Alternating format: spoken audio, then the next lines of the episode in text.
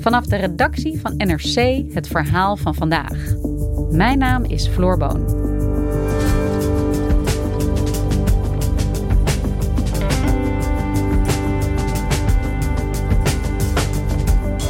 Vaccineren zou dé weg uit de coronacrisis zijn. Maar zelfs nu zo'n 85% van alle Nederlanders boven de 12 jaar volledig is ingeënt, lopen de ziekenhuizen opnieuw vol. Hoe kon dit gebeuren? Overal zien en horen we nu meningen, maar wat zegt de wetenschap over alle kennis die inmiddels is opgedaan over de pandemie? In gesprek met chef van de wetenschapsredactie, Lucas Brouwers.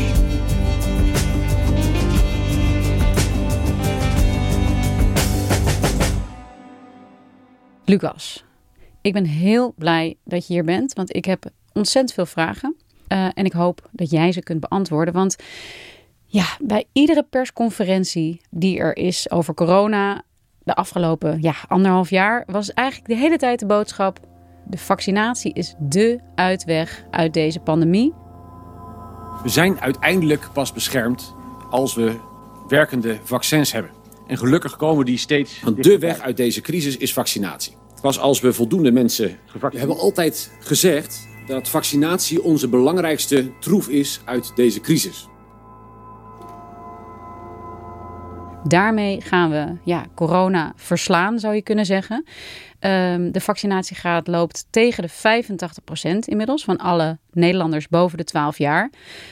Maar intussen hadden we meer dan 150.000 besmettingen in een week, volle ziekenhuizen, allerlei mensen die weer ja, allerlei apocalyptische beelden schetsen van code zwart. Hoe kan dit? Hoe kan het dat die besmettingen toch weer zo zijn opgelopen? Ja, dat is de vraag die ik denk heel veel mensen zich stellen. Uh, ook wetenschappers. En hele duidelijke antwoorden, die zijn er ook niet. Er is niet één antwoord dat, dat alles verklaart. Maar we kunnen wel ja, wat lager afpellen van, van die vraag en, en, en zien wat er uh, veranderd is in de tijd bijvoorbeeld dat we begonnen met vaccineren en nu.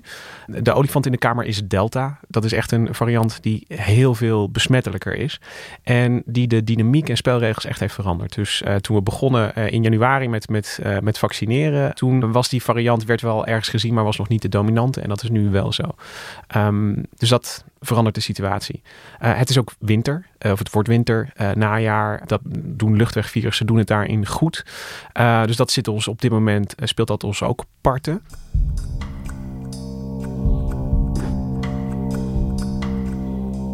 En 85% als vaccinatie gaat, dat is een. Um, dat kun je een mooi percentage vinden voor iets wat voor een vaccin dat een jaar geleden nog, nog niet bestond.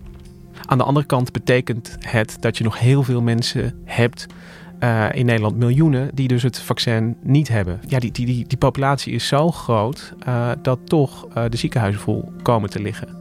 Ja, want ik bedoel, bedoel, mensen die gevaccineerd zijn, dat zeggen ze ook de hele tijd. Dan heb je minder heftige klachten, veel minder kans om in het ziekenhuis te komen en al helemaal op de IC. Maar goed, die druk op die ziekenhuizen neemt zo ontzettend toe. En hoewel, geloof ik, de meeste mensen in die ziekenhuizen zijn niet gevaccineerd, een deel is dat nog steeds wel.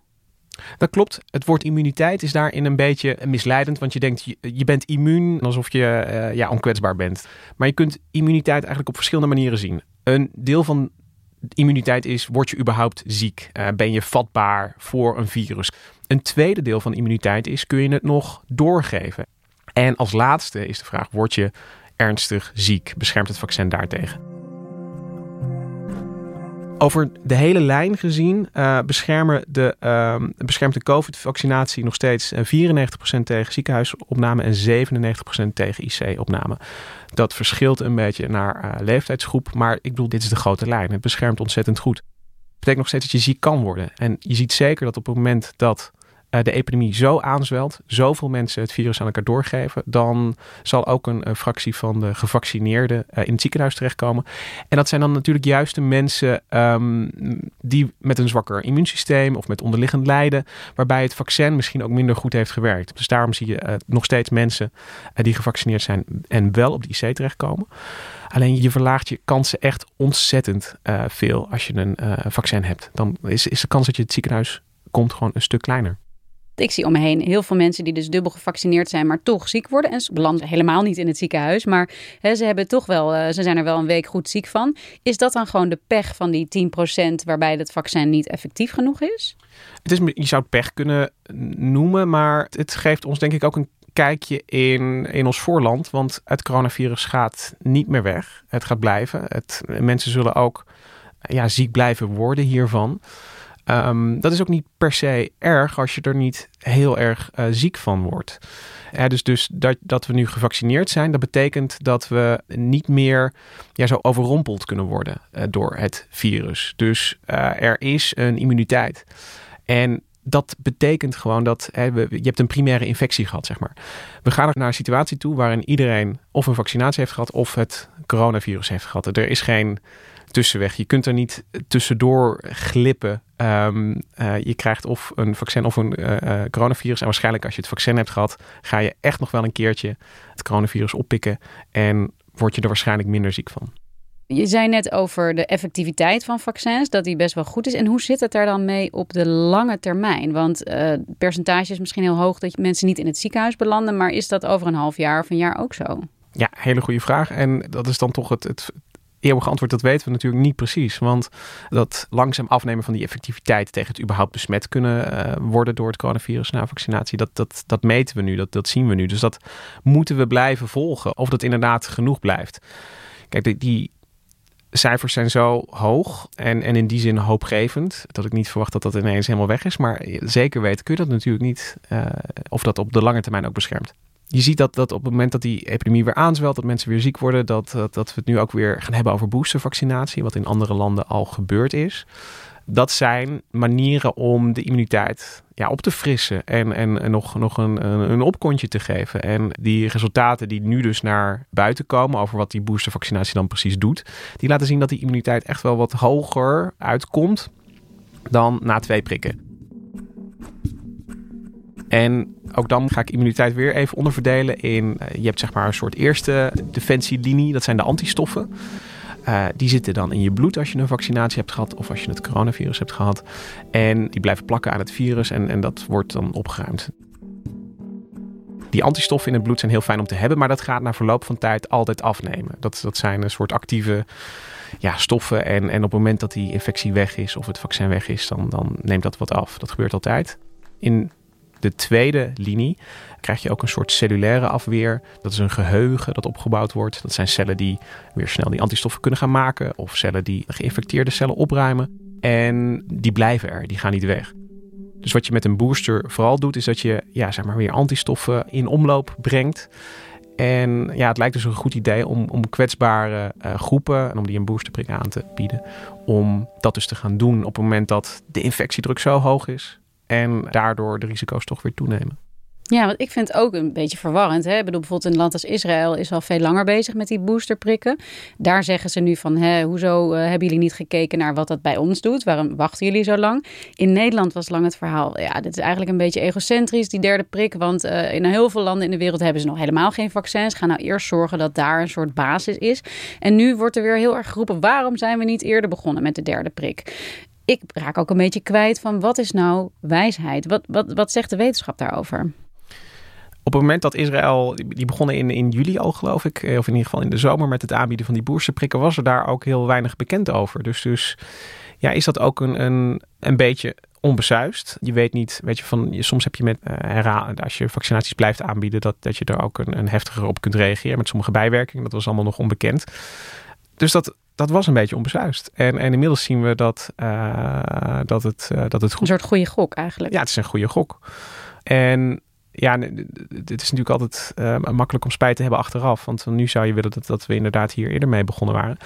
Maar dat klopt ook dat het egocentrisch is. Weet je, op het moment dat, dat heel West-Europa besluit om te gaan boosteren, zijn er gewoon minder vaccins uh, op de markt. Dus dan ontneem je toch uh, andere landen de kans op die eerste vaccinatie. Het is ook effectiever om mensen die eerste twee prikken te geven. Weet je, die, die volle ziekenhuizen die we op, op dit moment hebben, waar de helft tot driekwart van de mensen niet gevaccineerd zijn die op de IC liggen. Ja, daar kun je er heel veel van weghalen als je, als, als je mensen wel vaccineert. Berekeningen worden gemaakt en dan zie je dat voor elke uh, procentpunt uh, dat je de vaccinatie gaat verhoogd, kun je de sterfte met, ook met een paar procentpunt omlaag brengen. Dus dat is, dat is eigenlijk de deal die je moet maken. Ons is inderdaad dus voorgespiegeld hè, van vaccineer je, dan uh, komt er een einde aan deze pandemie. Iedere keer dat stapje van als we allemaal zijn gevaccineerd, dan kunnen we weg af van de maatregelen. Maar goed, inmiddels, ja, weet je, anderhalve maand geleden hadden we ook niet verwacht dat we weer misschien zouden aanschuren tegen een lockdown of andere strenge maatregelen. Zijn er nou ook nog andere ja, wegen uit deze pandemie of andere mogelijkheden om corona te bestrijden? Op het vlak van vaccineren zou je kunnen overwegen om kinderen te gaan vaccineren. Dus de 4 of 5 tot 12-jarigen. Dat is een idee dat nog uh, rondgaat. Kijk, op het moment dat je in een aanzwellende epidemie zit, dan, dan kun je eigenlijk niet zoveel meer doen. En, en hebben we het nu toch weer over lockdown-achtige maatregelen. En dat is natuurlijk wel heel erg jammer, omdat die vaccins daar, daar lagen. Als we daar winst hadden geboekt, dan, dan was het misschien niet nodig geweest.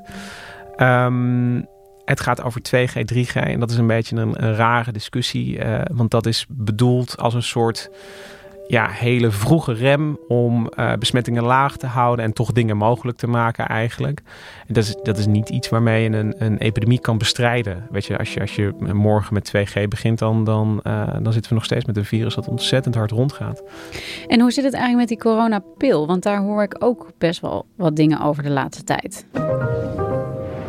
De Amerikaanse farmaceut Merck zegt een veelbelovende coronapil te hebben ontwikkeld.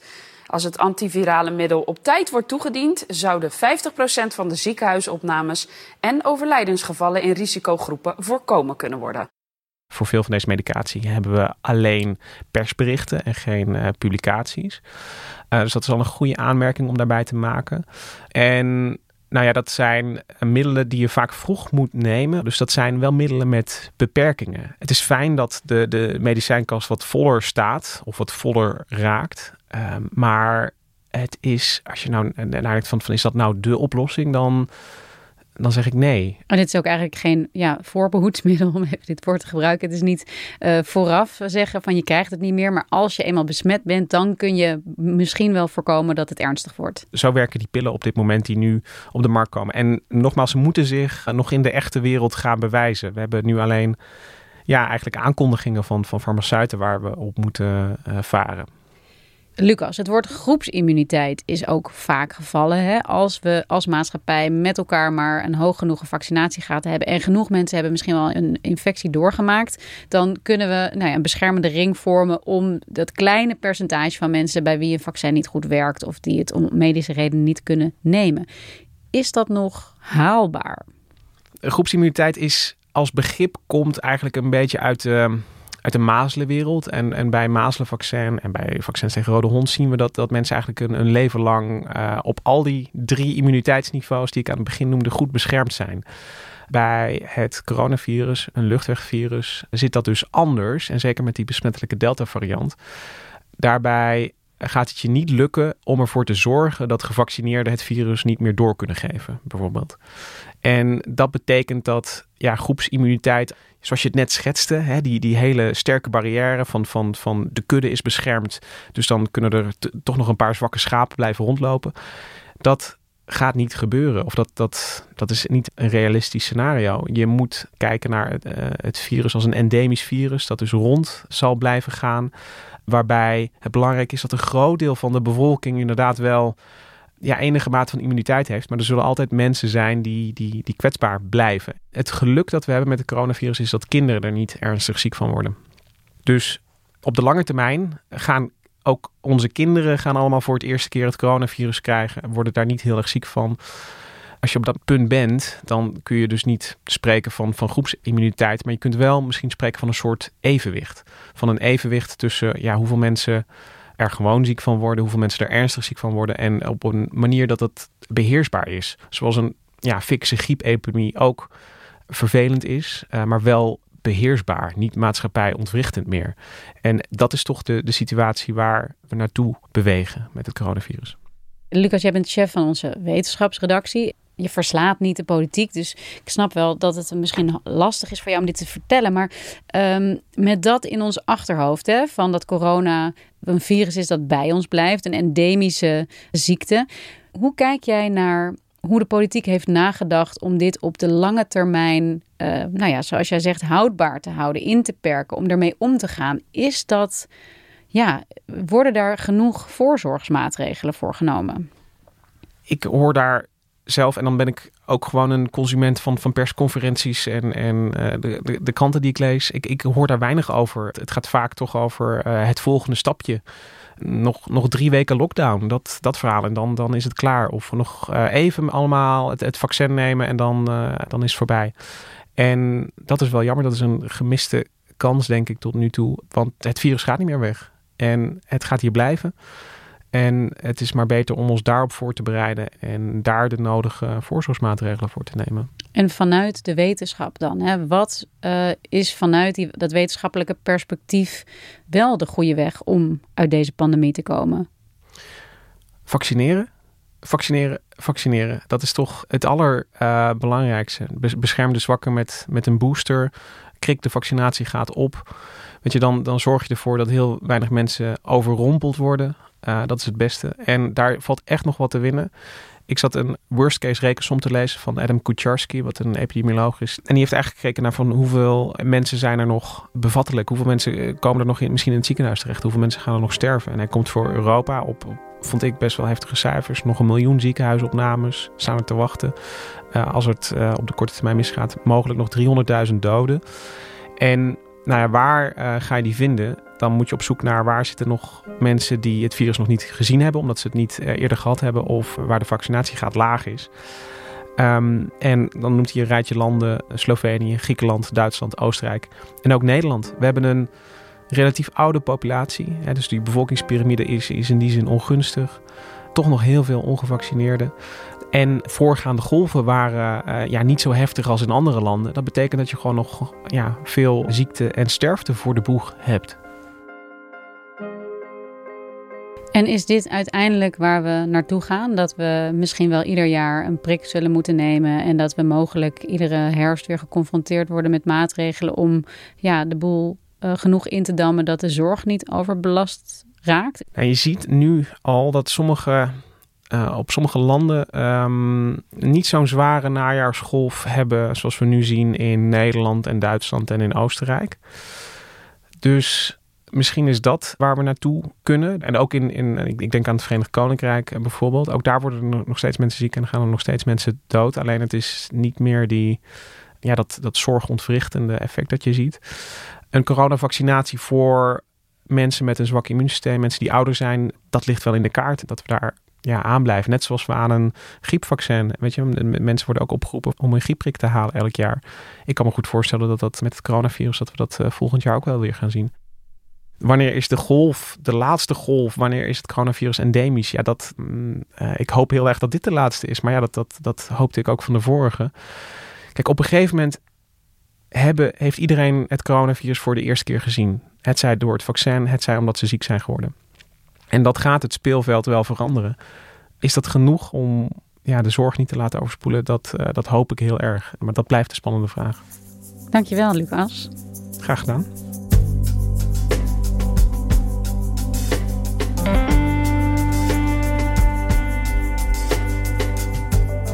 Je luisterde naar vandaag, een podcast van NRC. Eén verhaal, elke dag. Deze aflevering werd gemaakt door Mila Marie Bleeksma, Stef Visjager en Marco Raaphorst. Dit was vandaag. Morgen weer.